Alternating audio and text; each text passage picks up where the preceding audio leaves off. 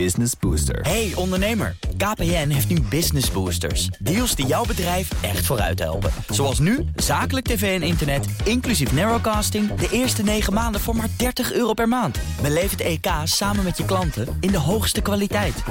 Kijk op kpn.com slash businessbooster. Business Booster. Ja, We hadden gisteren Nienke in onze uitzending. en vanmorgen ben ik naar de Tweede Kamer website gegaan. Want je kan bijna alles wat er gebeurt in die Tweede Kamer vergaderzalen... kan je terugkijken. Het meeste is zelfs helemaal netjes ingedeeld met... de VVD neemt het woord, of het CDA neemt het woord... en de voorzitter neemt het woord. Nou ja, dat soort... eh, helemaal precies op tijdcode. Oh, dat is fijn. Dan kan je niet alles. per kopje kan je terugkijken. Ja, nou, bijna alle, alle belangrijke debatten worden op die manier ingedeeld. Maar de ho- hoorzitting van gisteravond Ja. niet. Sowieso niet met tijdcodes en alles. Maar ook de hele vergadering is weggestopt. Ja, en de hoorzitting over de gesloten jeugdzorg, hè? Ja. Ja, Ja. met, eh, met Nienke en Jason, die iedereen van de documentaire kent. En eh, Carlijn, met z'n drieën deze dat. Als je weet hoe de website van de Tweede Kamer werkt... dan kan je het uiteindelijk vinden. Maar Ja, moeizaam. downloads. En dan moet je weten in welke vergaderzaal. Het was de Klompezaal. En hoe laat, van 7 tot 9. Oh, echt waar? Die Als je dit soort dingen weet, dan? Oh. dan kan je de opname uit die zaal van die twee uur in dit geval eh, downloaden. Heeft de Tweede Kamer niet eigenlijk een social media account waarop gewoon alle hoorzittingen en commissies en debatten allemaal met linkjes worden gepost? Dat is volgens mij. Ze eh, hebben een, eh, een Twitter-account in elk geval. Ja. En daar worden veel dingen op aangekondigd. maar niet de daadwerkelijk. Maar als ze, het, als ze het niet eens hebben, een verslagje ervan eh, op hun website zetten, dan staal deze er ook wel weer niet tussen gestaan hebben. Nee, het voelde, het voelde echt alsof het onderwerp weggeduwd was. Wat natuurlijk, nou, wat vast niet de bedoeling is. Ze deden het, want ik heb het natuurlijk uiteindelijk wel gevonden. Ze deden het wel echt heel goed. Ja. Heel stellig in wat ze wilden en waarom. En excuses die ze wilden. Want er zijn natuurlijk gewoon mensen zonder eh, veroordeling in een soort gevangenis gezet. Ja. Eh, ja, en de Kamerleden die hadden ook relevante vragen. Dus dat was, eh, dat was goed. Als je het één keer kan vinden en als je de weg weet. Dan, eh, ik zit nu op de Twitter te kijken, maar ze hebben niks gisteren en ook niet vandaag meer er niks over gepost. We gaan beginnen met wat we vandaag gaan doen. Dit is Nieuwsroom Den Haag van dinsdag 8 februari. Met Talita Muse en Mark Beekhuis.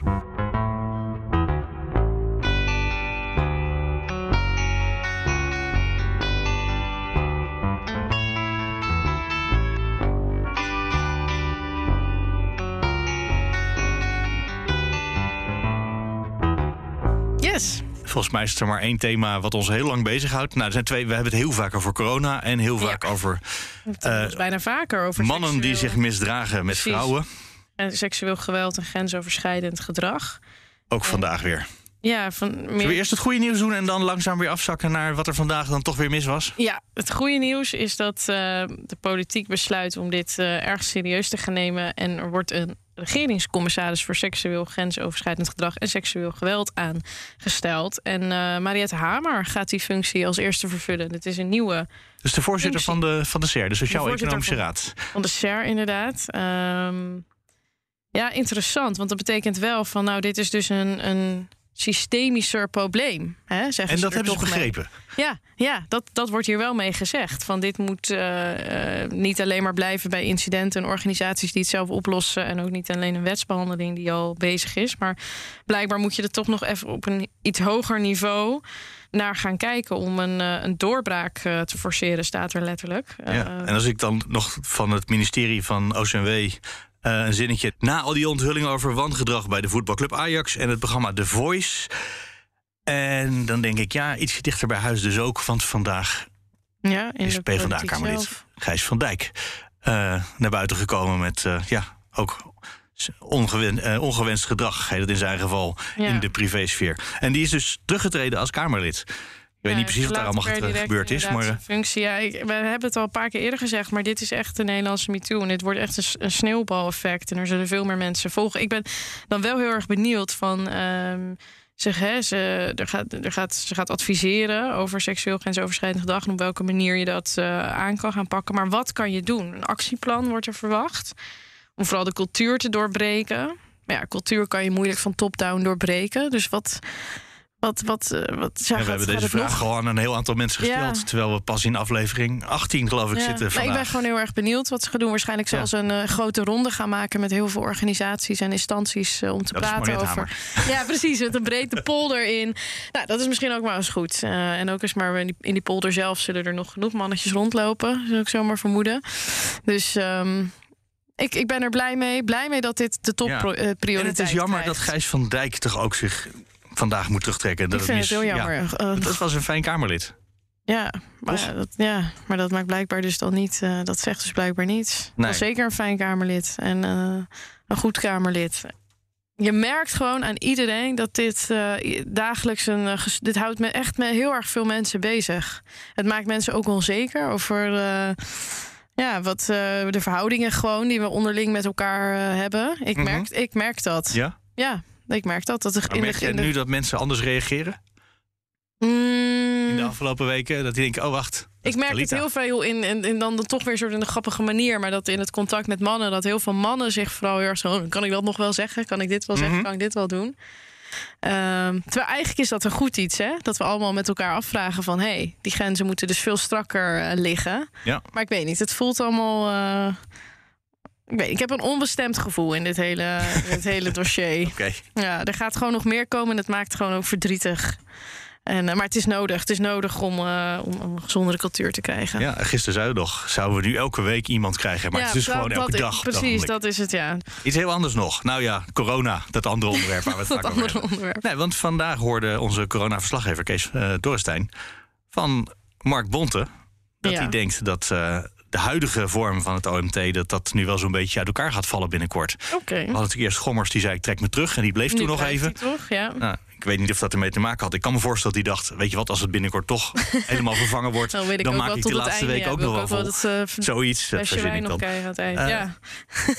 Maar er is natuurlijk in de afgelopen week ook vaak gezegd... Uh, het is niet een democratisch verkozen clubje. Ze leggen aan niemand echt verantwoording af. De regering neemt vervolgens besluiten, maar zij doen wat ze, wat ze doen. Uh, dus misschien is het goed als er een beetje door, uh, doorstroom in zit... dat het niet allemaal vastgeroest zit. Ja. Nou. Ik had dus een voorspelling, ja. maar die is inmiddels die is op de dag zelf al ingelost. Er was zo'n soort gerucht dat Mark Rutte bij de volgende persconferentie misschien niet meer mee zou doen. Oh, Dat hij denkt, ik ga weg. Maar dat is inmiddels bekendgemaakt dat is dat hij dat niet gaat doen. bekendgemaakt. Ja, volgende week dinsdag is hij er niet bij. Dan er dus alleen de minister van Volksgezondheid. Dat is Oeh, weer een eh, spannend. vernieuwing. Dus dat is geen voorspelling meer. Want eh, als je het weet, is het Nee. niet meer echt een voorspelling.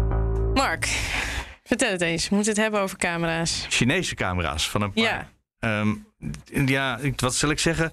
Um, Van een paar Chinese merken die nogal onder vuur hebben gelegen. Die niet door iedereen vertrouwd worden. En de NOS die heeft eh, heel Nederland afgekruist. Mhm. En overal gemerkt dat die eh, camera's hangen. Onder andere 134 camera's in Den Haag. Om maar zo'n voorbeeld te noemen. Ja, en bij En die ministeries. hangen in ministeries, Ja. die hangen bij de politie, die hangen op allerlei plekken. En dan is natuurlijk de vraag: is dat erg? Daar kan je bedoelen, je kan denken het zijn camera's, maar het zijn ook dezelfde camera's die in China worden opgehangen en daar worden gebruikt bij dat sociaal kredietsysteem. Dus als je door een eh, rood licht bij een zebra loopt met camera, wordt dat herkend. Dus Nou ik ja, dacht, misschien moesten wij eens, eh, inderdaad. Het, ja, het voelt Ja, heel onprettig. Het voelt ja. onprettig. Maar voor we ons al te veel zorgen maken, of misschien terecht straks, eh, dacht ik misschien moesten we eens contact maken met Rogier Kremers van de Universiteit Leiden. Die daar eh, assistant professor is. Dat heet universitair docent in het Nederlands, geloof ik, hè? Klopt. Of in eh, Goedenavond. moderne Goedenavond. Chinese studies. Kan u ons meteen verlossen? Maar is, er- is er iets heel ergs aan de hand als die camera's hier hangen? Of valt het mee? Eh, nou, kijk, voor een deel weten we dat niet. Want eh, als je vraagt wat is er nou erg, dan moet je daar ook een scenario bij vertellen. Mhm. Eh, aan de ene kant. Dit zijn Chinese camera's en dus is de angst meteen, eh, gaat China via die camera's op ons eh, spioneren? We zitten bijvoorbeeld ergens een achterdeurtje in het computersysteem dat die camera's gebruiken, dat de Chinese geheime dienst bijvoorbeeld kan gebruiken om eh, te kijken wie er het Nederlandse ministerie van Buitenlandse Zaken of Defensie binnen en buiten loopt. Ehm, en dat is natuurlijk een vraag. Daar heb je eh, gewoon daar heb je technische capaciteit voor nodig.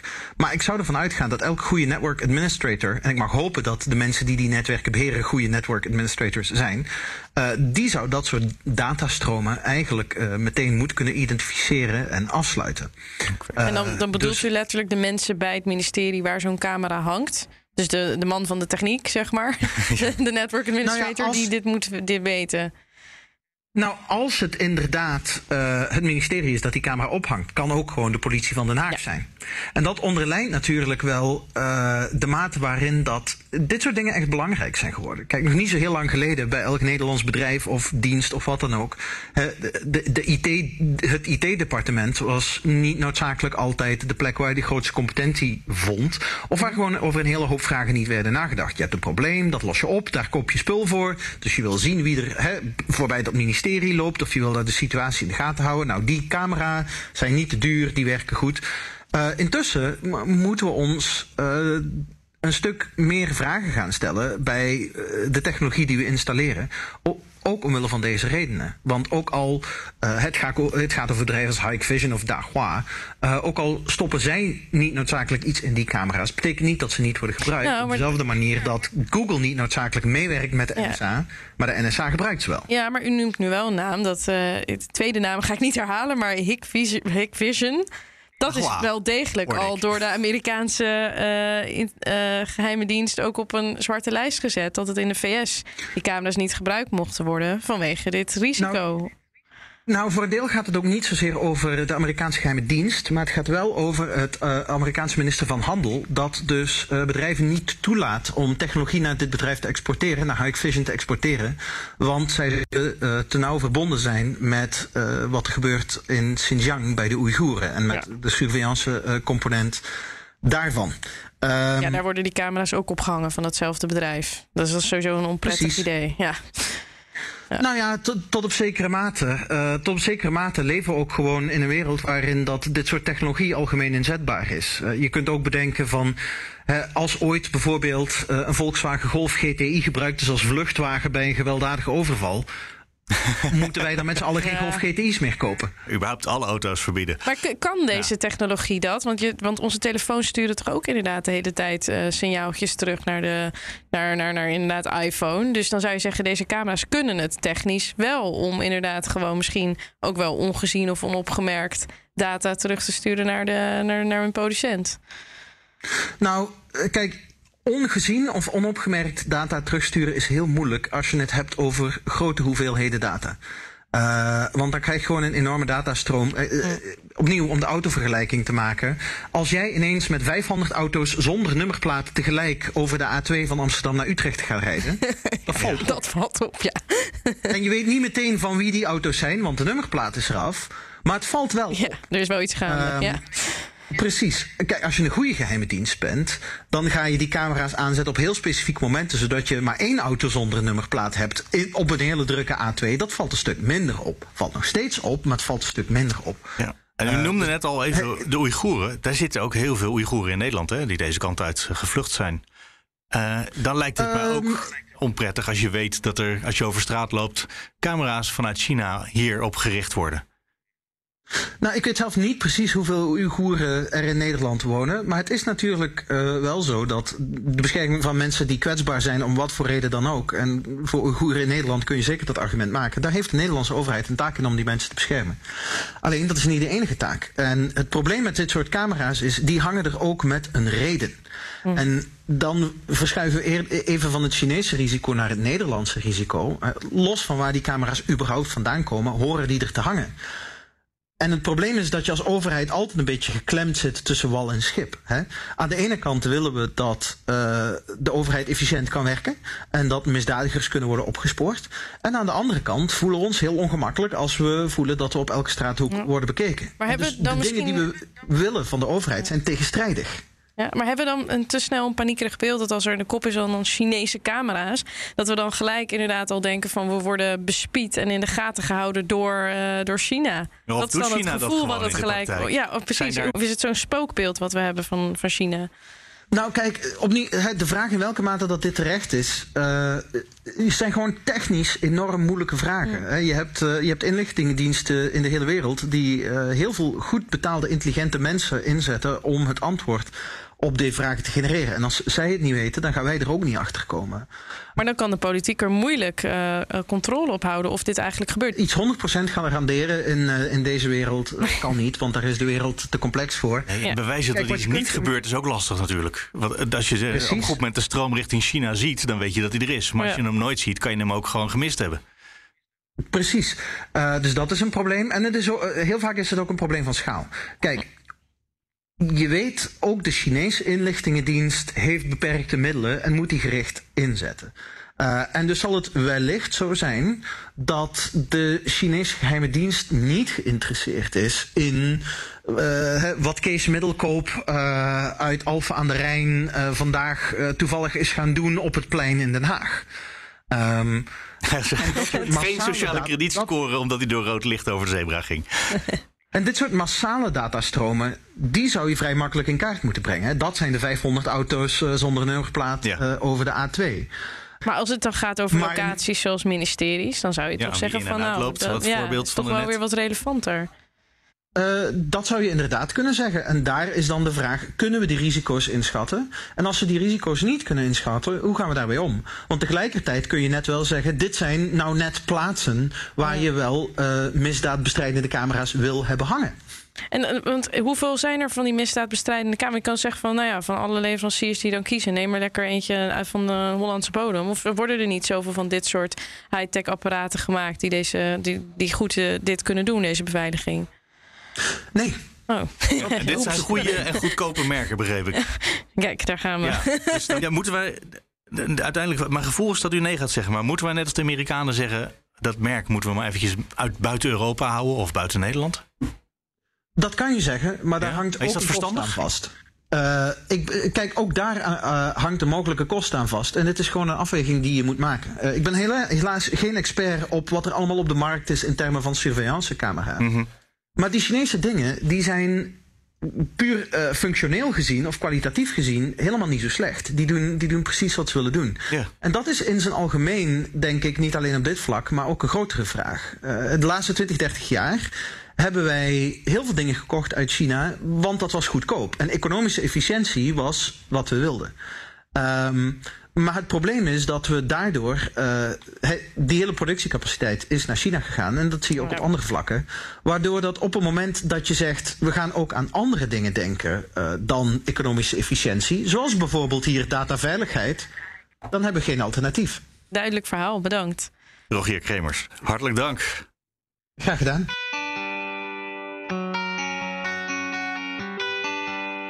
Mark, de vlag kan uit.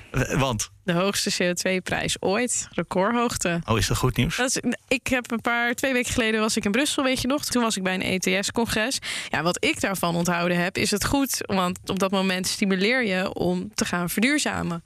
Om te gaan investeren in duurzame e energie. Ja, maar dat dacht ik ook toen de gasprijs heel hoog werd. Toen dacht ik, dan gaan mensen nu vanzelf over ja. naar duurzame energiebronnen. Nou, je hoort al een instemmend ja, ja van. Jos Kozijnse van de Climate Neutral Group. Is het zo? Is het goed nieuws? We zijn, moeten we blij zijn? De vlag uit uh, dat de CO2-prijs. Nee, het is geen goed nieuws. Is? Nee, nee er, gaan nu, er gaan nu veel te veel seinen tegelijkertijd op rood. En dat is gewoon niet goed. Oké. Okay. Kun je dat uitleggen? Eerst even voor, hoe, wat, wat kost CO2 op het ogenblik en wat mag nou. je dan? Dan mag je een ton CO2 in de lucht loslaten. Ja, nou, het is inderdaad heel hoog. Hij staat nu boven de 98 euro per ton. Dus dat is heel hoog. Weer een piek vandaag gehaald. En men denkt, we gaan naar de 100. Nee, het is niet goed, omdat er te veel tegelijk gebeurt. En je weet nu okay. niet, uh, komt er nou het klimaatbeleid wat ambitieuzer wordt... maar nog over besloten moet worden? Is het de gasprijs? Is het de olieprijs? Dus dat is lastig en er komen te veel dingen bij elkaar... En daarom stond ik in de FD van, nou, het wordt te duur voor bedrijven... want ze hebben en een hoge gasprijs... en de supply-ketens zijn verbroken... en die CO2-prijs komt er nog een keer aan. Ja, waar moeten we nu op sturen? Dus het is gewoon nu te moeilijk aan het worden. Ja, wat waren we gewend voordat het 100 was, ongeveer? Nou ja, het was ooit 20. was een helemaal een goede prijs. Ja. Hè? Dat is al goed voor om, om energie te besparen. Voor echte innovatie moet je misschien wel rond de 50 of 80 zitten. Maar goed, dat is, dat is eigenlijk nog een beetje dat hangt er eigenlijk vanaf. Ik zeg altijd, emissiehandel is eigenlijk uitgevonden om het betaalbaar te maken voor iedereen. Je distribueert de kosten, je hebt kopers en verkopers en samen red je het op een betaalbare manier. En wat, betaal, wat maakt je betaalbaar? De energietransitie. Nee, de CO2-doelen halen. Ja. ja. Want inderdaad, uh, het is natuurlijk ooit een compromis geweest. Hè? We gaan CO2 beprijzen. Sommigen zeiden, hé, hey, dat is mooi, dan wordt duurzame energie gratis. Of sommigen zeiden, dan gaan we CO2-opslag mee betalen. Maar ja, dat hangt er maar vanaf wat bedrijven gaan doen. Ze zijn niet verplicht te innoveren, dus je hoopt het wel. Maar het kan best zijn dat we allemaal via besparing de doelen al halen. Dat is prima. Maar omdat die beide doelen er vaak bij komen, wil men graag dat de CO2-prijzen hoog worden, zodat iets, uh, ja, innovatie betaalbaar is. Maar misschien kan je het zonder die innovatie doen. Dus dan, dan ga je toch als overheid kiezen op wat je dan wil en hoe je het wil gaan behalen. En dat is, uh, dan komen er te veel belangen bij, te veel doelen bij die 20, die jij zegt, dat was wel een fijne prijs. Daar konden we goed mee leven. Daar heb ik vanuit de milieukant heel vaak gehoord dat is zo laag, ja. dan kan het nog niet uit om uh, van uh, gas af te gaan. Want eigenlijk heb je 60 of 80 nodig. Dan klinkt de 100 ineens als een heel goed een droom voor de een heel goed bedrag. Ja, ja want dan, zit je, dan alles uh, wordt ineens betaalbaar in de categorie duurzaam. Ja, ik ga ook helemaal overnieuw beginnen. Ik ga nu ook zeggen van subsidie voor CO2-opslag is niet meer nodig nu. Hè? Dat is mm -hmm. op zich mooi. Want dat gaat al van de CO2-prijs vanzelf al uit. Maar ik weet niet hoe hoog het nog gaat worden en of dat dan wel nodig is. Hè? Mm -hmm. Er is nu, uh, dat hoor je ook, je hoort, er is nu sprake van speculatie. Er is nu sprake van de gasprijs die te hoog is. Dus ja, dan gaan we dus alle ruimte die we hebben verstoken met kolen. Dat is zonde. Ja, want je zou met een beetje normalere CO2-prijs, een beetje normalere gasprijs, net wat meer gas ook kunnen stoken, minder kolen. En dan haal je uh, ook de CO2-doelen, maar net wat comfortabeler, met wat lagere kosten. Dus daar zou ik echt een voorstander van zijn. Ik begrijp het niet. Nee? Daar zie je mij heel moeilijk kijken. Ja. Nee, ik begrijp dat helemaal niet.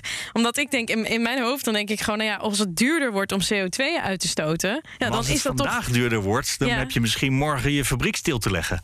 Ja, Eh, dat is ook gaat- goed, toch? Dat is allemaal voor de totale CO2-uitstoot. Nou is ja, je zal morgen brood willen hebben en die zal toch waarschijnlijk een keer gebakken moeten worden. Ja, oké, maar voor de zeg Dus maar. als ze de- dan zeggen, ja, morgen kunnen we dat Ja. niet betalen, sorry. Nou, een paar jaar geleden was er dus de economische crisis, hè, 2008 en dergelijke. En eh, toen zagen we dat die CO2-prijs heel erg eh, daalde. Hè? ja. En zeiden mensen dat is zonde, we hadden maar een heffing moeten hebben, dan had hij hoog gebleven. Maar dan verkijk je erop. Ik denk dat ook in een crisis bedrijven hadden gezegd van nou, ik wil niet een hoge CO2-heffing betalen, want ik moet mensen ontslaan. Hè? Ik produceer niet meer, maar ik heb wel een hoge heffing. Dat is een beetje raar. Dus zo'n CO2-prijs moet wel de, markt, eh, de marktontwikkelingen volgen. Dus in, in die zin is deze prijs nu wel normaal, omdat alles duur is. Hè? Eh, en dan is CO2-prijs ook automatisch duur. Maar dan kan het ook over vijf jaar weer heel laag worden als je die markt volgt. Ja, wat is eigenlijk de reden dat het nu zo exotisch duur is? Want er zijn vast heel veel verschillende verklaringen als het ook zo extreem is. Ja, een combinatie van dingen hoor. Eh, natuurlijk, omdat de gas eh, niet beschikbaar is, wordt er meer kolen gestookt. kolen En daar heb je meer CO2-rechten voor nodig. Ja, betekent meer emissies. Dus de emissierechten zijn eerder op. En de prijzen nemen dan toe, omdat het, ja, het wordt wat schaarser. Dus dat is één belangrijke reden. Nou, de andere belangrijke reden is dat we nog niet helemaal uit zijn hoe het Europees klimaatbeleid eruit gaat zien de komende jaren. Dus zo is het spel op dit moment.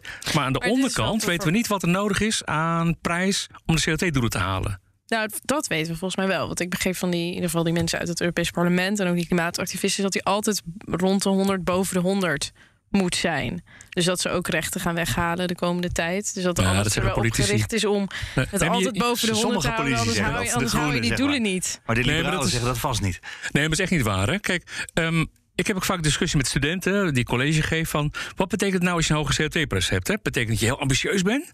Of dat je eh, niet goed bezig bent. Hè? Want als je goed aan het innoveren bent, je bent goed voorbereiden, energie besparen, nou, dan kunnen we best een lage prijs de doelen halen. Mhm. Ja, want je hebt nu eenmaal een maximaal aantal rechten in het potje. Daar moet je mee doen. Daar haal je automatisch je doelen mee. En of de prijs nou 10, 20, 50 euro is, dat maakt echt niet uit. Dus hij hoeft niet per se hoog te zijn. Als het maar elk jaar minder wordt. Ja, het aantal rechten Elk neemt jaar af. rechten eraf. Ja. En dat is altijd die discussie weer: hè, van gaan we sturen op quota, hè, maximaal aantal rechten en dat is klaar, daar halen we de doelen. Of gaan we sturen op de prijs? Nou, en elke keer staan er weer eh, economen op die zeggen van we moeten beprijzen, we moeten heffing hebben. En dan zeg ik: jongens, alle industrie in Nederland betaalt al een CO2-prijs. Die is nu hoog. Ze haalt de CO2-doelen. Dus het klopt niet hè, dat men niet betaalt. Misschien te weinig, maar wie, wie bepaalt dat? Misschien niet snel genoeg. Ja, nou ja, er zijn ook heel veel die zeggen het is te duur, we moeten langzamer. Dus dat is precies het debat. En het mooie is van dat je met het emissiehandelssysteem iets in het midden hebt. Hè? Het is misschien niet al te radicaal, maar je haalt je doelen ermee op een betaalbare manier. Nou, een offer you can't refuse. Jos Kozijnse, dankjewel. Dat was hem weer. Dat was hem alweer.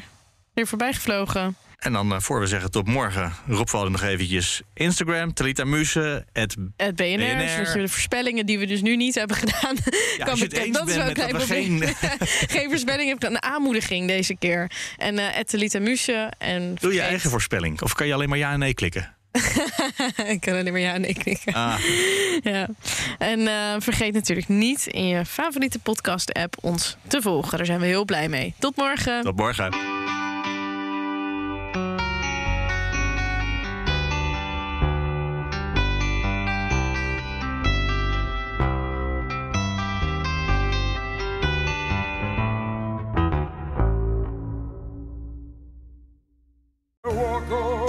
Hardlopen, dat is goed voor je. En Nationale Nederlanden helpt je daar graag bij. Bijvoorbeeld met onze digitale NN Running Coach... die antwoord geeft op al je hardloopvragen. Dus, kom ook in beweging. Onze support heb je. Kijk op nn.nl slash hardlopen.